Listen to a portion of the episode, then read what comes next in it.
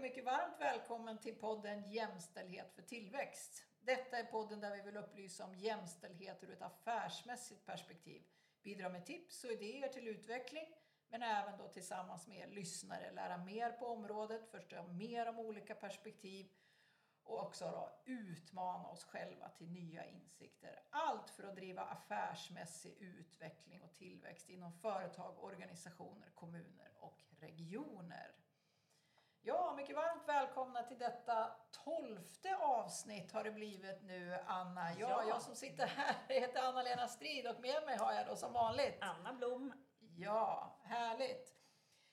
Ytterligare ett avsnitt och då ställ- sätter vi fokus på det här med stereotyper och fördomar. Även då omedveten bias som vi har varit inne på tidigare. Men vi tänker att vi djupdyker i det igen men kanske ur en lite annan vinkling och breddar det här. Ehm, och det här är ju viktigt. Mm. Eh, det är det. På, I vårt förra avsnitt så kom vi lite grann in på stereotyper. För då pratade vi om det här med att män och kvinnors syn på risk är lite olika. Eh, och det är, det är ju ett sätt att generalisera och också en stereotyp. Eh, och det vi ska försöka nu det är att ta det lite grann vidare. Då, då kan man undra men varför, varför lägger vi tid och fokus på det här? Eh, ska inte vi prata affärsnytta i, i näringslivet, affärsnyttan med jämställdhet? Jo, men det här ligger så att säga under isberget. Eh, Vi behöver höja kunskapen på det här området för att inse vad som ligger omedvetet hos oss alla. För får vi upp det på den medvetna ytan så att säga, då har vi mycket, mycket större chans att agera och reagera annorlunda än vad vi kanske gör automatiskt i många fall. Ja, och, och inte bara... Det är också det här med att vi kan vara mycket mer proaktiv. Om vi förstår att det är i de här fällorna vi faller. Precis. För annars blir vi reaktiva och så blir det efterhandskonstruktioner. Medan när vi har en hög förståelse för detta så kan vi också rigga upp strukturer och göra annorlunda från början. Och det vill vi såklart åt. Vi har en intention med den här podden att bidra till förändring, att gå ut och göra annorlunda. Så vi hoppas att med de här exemplen som vi lyfter idag att vi ska väcka nya aha-upplevelser och en vilja eh, att gå ut och göra annorlunda. Då då.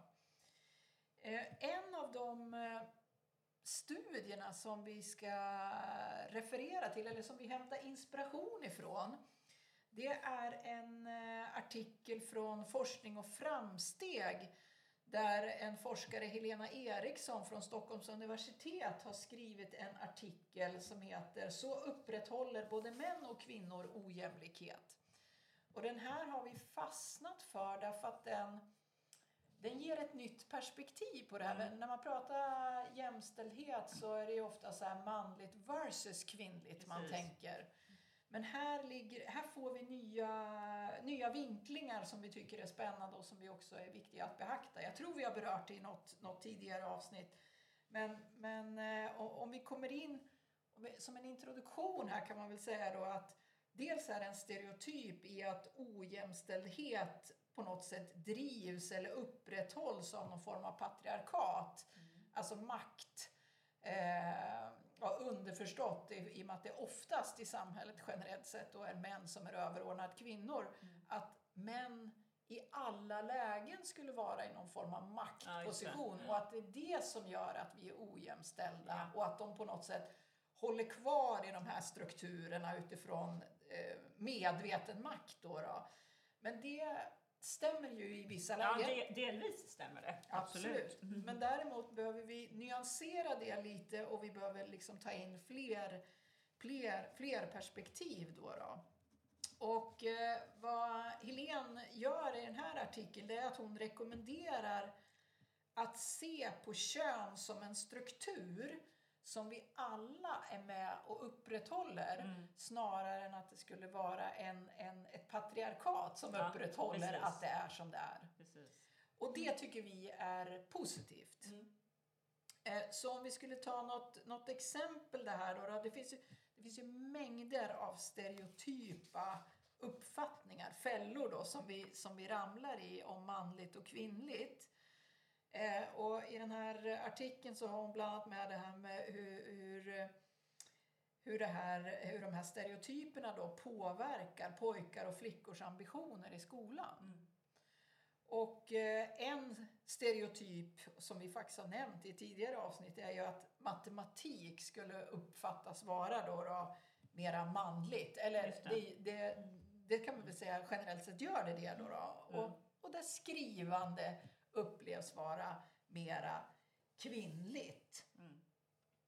Eh, och det här gör ju då att om, om, eh, om de här stereotyperna får, får verka på oss mycket så kommer de påverka Ja, men det kommer inte vara lika roligt för en flicka eh, eller, eller tjej då att, att eh, förkovras inom matematik beroende på omgivningens uppfattningar. Mm. Likväl som för en kille då att, att eh, förkovra sig och, och foka på det här med, med, med, med skrivande och också ge uttryck för gud vad jag tycker det är roligt. Mm. Därför att eh, eh, om en flicka då umgås med personer som tycker att mate- matematik är typiskt okvinnligt så minskar hennes ansträngningar och tvärtom då för pojkar för, för, eh, för skrivande. Och det kanske inte är så förvånande då. då. Eh, men det, det som kanske är mer förvånande och det är det här vi tycker är ett så viktigt perspektiv att få in. Det är ju att vad forskningen visar det är att det är andra flickors stereotypa företa, föreställningar som bidrar till att hålla tillbaka flickors am, ambitioner inom matematik. Mm. Så det kan börja ganska tidig, ganska tidig ålder. ju. Ja. Och, och på samma sätt då, då andra pojkars stereotypa föreställningar om skrivande som bidrar till att hålla tillbaka då pojkars ambitioner inom exempelvis då svenska. Och i, den här, I de här forskningsstudierna så visar det sig att man finner ingen koppling mellan pojkars könsstereotypa uppfattningar om flickor och matematik. Nej, Och inte om, om flickors uppfattningar om pojkar och skrivande. Nej. Så alltså det är det egna könet som starkare upprätthåller de här stereotypa uppfattningarna. Och det kanske inte heller är så oväntat om man tänker på att ungdomar tenderar att umgås liksom mera med sina, med sina kompisar som främst är det egna, egna könet oftast. Då då. Eh, men boven i dramat här då, då, det är alltså inte kvinnor versus män eller flickor versus pojkar utan det problemet uppstår kvinnors syn på kvinnor eller flickors syn på flickor och pojkars syn på, på, på pojkar eller män mot män. Då, då. Och det här finns det ju då fler, eller egentligen massor med studier. Så man, man drar också det här exemplet då jag har forskat i mycket i USA på, på den tid som kvinnor respektive män lägger på arbete och familj. Mm. Och där pratar man någonting om, om de goda mödrarna. Det var någonting som uppstod i mitten på 90-talet. Så att, att kvinnor då bör utföra en mängd sysslor kring barn för att anses vara goda mödrar. Och så kallar man det här då för intensivt moderskap. Och i den här studien, eller eh, kring den här studien, så har man också undersökt hur kvinnor uppfattar eh, synen på måltider i familjen. Och, eh, och där är det då så att, att kvinnor har en mycket högre uppfattning om hur bra maten ska vara man serverar. För det är, det är så man är en god moder. Ja. Så när man frågar män, kan, kan kvinnor sänka ambitionsnivån på, på maten för att få tid till exempel för arbete? Så säger männen ja, medan modern, eller mödrarna, kvinnorna säger nej men det går ju inte. Ja. Och igen då så har vi att kvinnor förstärker synen på kvinnor. Eh, och vi har ett annat exempel här då där det är samma sak för män, men där gäller det arbetsprestation eller hur mycket tid man lägger på arbete. Mm. Så för att vara en bra man så ska jag jobba mycket och göra det. Och här, här har vi kopplingen tillbaka till det här med giriga jobb och Claudia. Goldings forskning. Mm. Så kontentan här är alltså att vi, vi tror att det kan vara mäns syn på kvinnor eller kvinnors syn på män som gör att vi upprätthåller eller förstärker de här stereotyperna. Men det visar sig alltså att det är mycket högre utsträckning kvinnors syn på kvinnor och mäns syn på män som upprätthåller de strukturer som vi har kring ojämställdhet i samhället idag. Ja, och egentligen just det faktum att det är både och. Det är det som vi egentligen vill sprida kunskapen om här så att man inte fastnar i att det bara är mellan könen. Nej. Utan de här könsstereotypa uppfattningarna är även inom könen om man säger så. Då.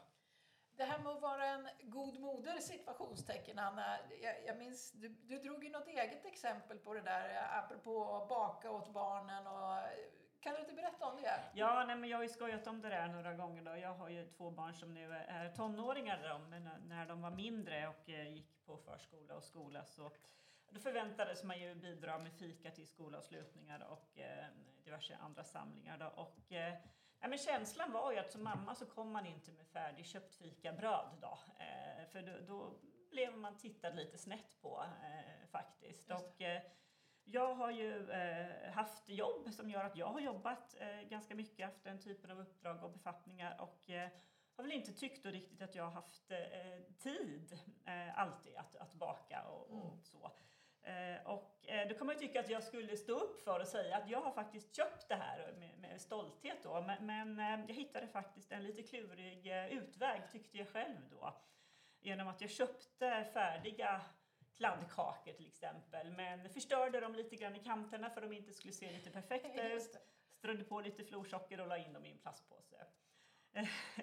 och ibland kunde det hända att jag köpte bullar men la över dem i en, en påse med en sån här liten påsklämma på för att då såg det lite mer hembakat ut. Och det kan man ju skratta lite grann åt. Eh, så. Men eh, ja, det kändes som att eh, det kändes bra att ja. göra så.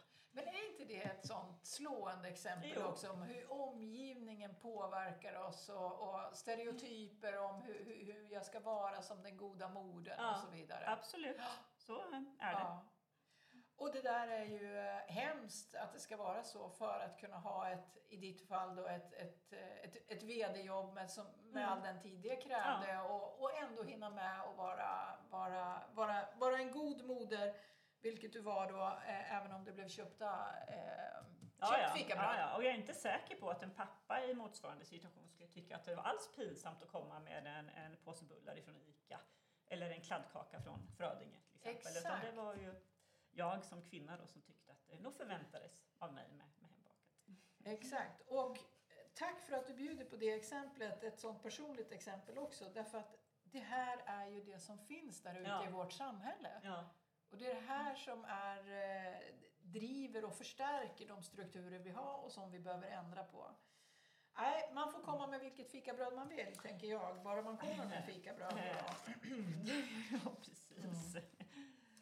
Mm. Eh, så någonstans om vi ska bara ta kontentan av det här då, och det vi vill göra ett medskick om är att vi behöver vara uppmärksam på hur vi behandlar varandra in, inom könen så att säga. Mm. För det, det, är lätt att det blir en stereotyp att det är män som behandlar kvinnor eh, på ett mindre bra sätt eller tvärtom då. då. Nej, men vi behöver tänka till på hur vi behandlar varandra också som, som, som kvinnor. Och eh, där hade vi ju också ett exempel i eh, föregående, ett, ett av föregående avsnitt när vi hade då Sara Breman på, på besök där hon berättade om när hon startade företag ja, och vad hon fick för frågor om hur hon kunde göra det som, som nybliven mamma. Mm. Eh, där finns det ju också då stereotyper om mm. hur man ska vara som nybliven, eh, bli, nybliven mamma.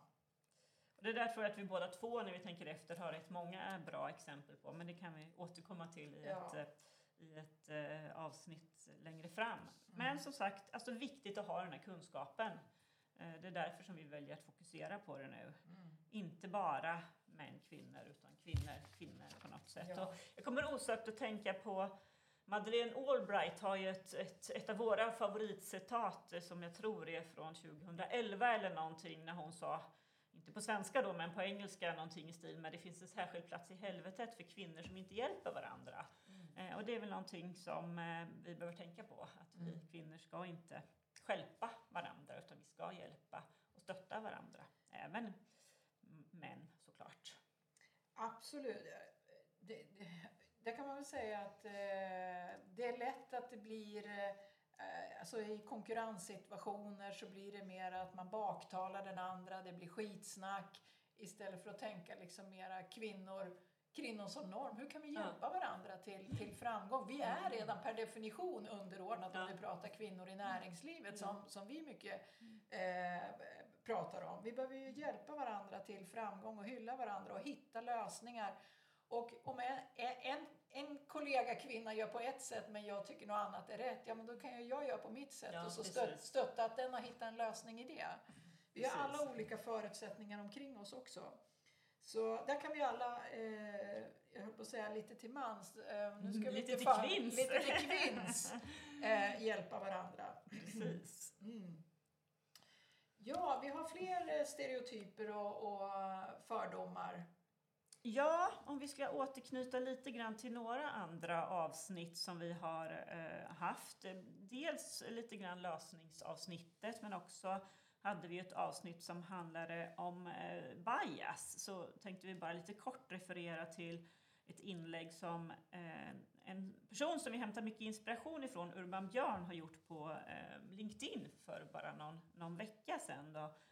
Eh, och där skriver han på temat just vikten av att ha nätverk för att få ett jobb.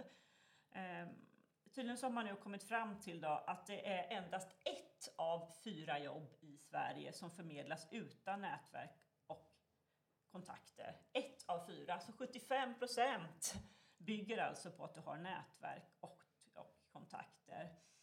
Eh, och eh, den här kopplingen till lösningsavsnittet eh, var, då vet jag att vi nämnde att eh, när, när Allbright frågade eh, VD-kvinnor om vad, hur de tyckte att man skulle jobba aktivt med jämställdhet så vet jag att, att eh, en av findingen där var att eh, många eh, VD-kvinnor säger att ja, men nätverk har fortfarande för stor betydelse. Eh, och det måste man vara medveten om att det är eh, på det sättet. Eh, så Urban Björn har refererat till att det var en artikel i Dagens Industri för några år sedan då, där man hade en, en ledarsida med rubriken Inkludering är slutet på merokratin” och bara det får ju mig att gå igång. Eh, därför att vi menar ju att det är precis tvärtom då. Att det, är ju, det ökar ju eh, rekrytering på meritokratiska grunder då. Eh, Man säger ju ofta att man, man är stolt över sin magkänsla. Eh, Och man säger att det är någonting positivt då, men då glömmer man ju bort det här som, som vi pratade om i tidigare avsnitt om eh, Daniel Kahnemans system 1 och 2. Där system 1 då, då är vi jättesnabba och vi fattar snabb, allt för snabba och oreflekterade beslut. Eh, och just den här meningen som Urban Björn refererar till och som jag tror att du har fått många gånger när du har pratat om det här Anna-Lena. Jag vet i vart fall att jag har fått det när man talar om de här frågorna i olika sammanhang. Men vi måste väl ändå gå på kompetens. Ja. Eh, Och så ja. tror man att, att man gör det, fast Ja. man gör det inte. Nej, det är det jag menar när jag säger att, att man går för mycket på magkänsla. Eh, man måste våga stå emot sin magkänsla. Magkänslan är en, eh, en medioker vägvisare skulle jag faktiskt eh, vilja säga.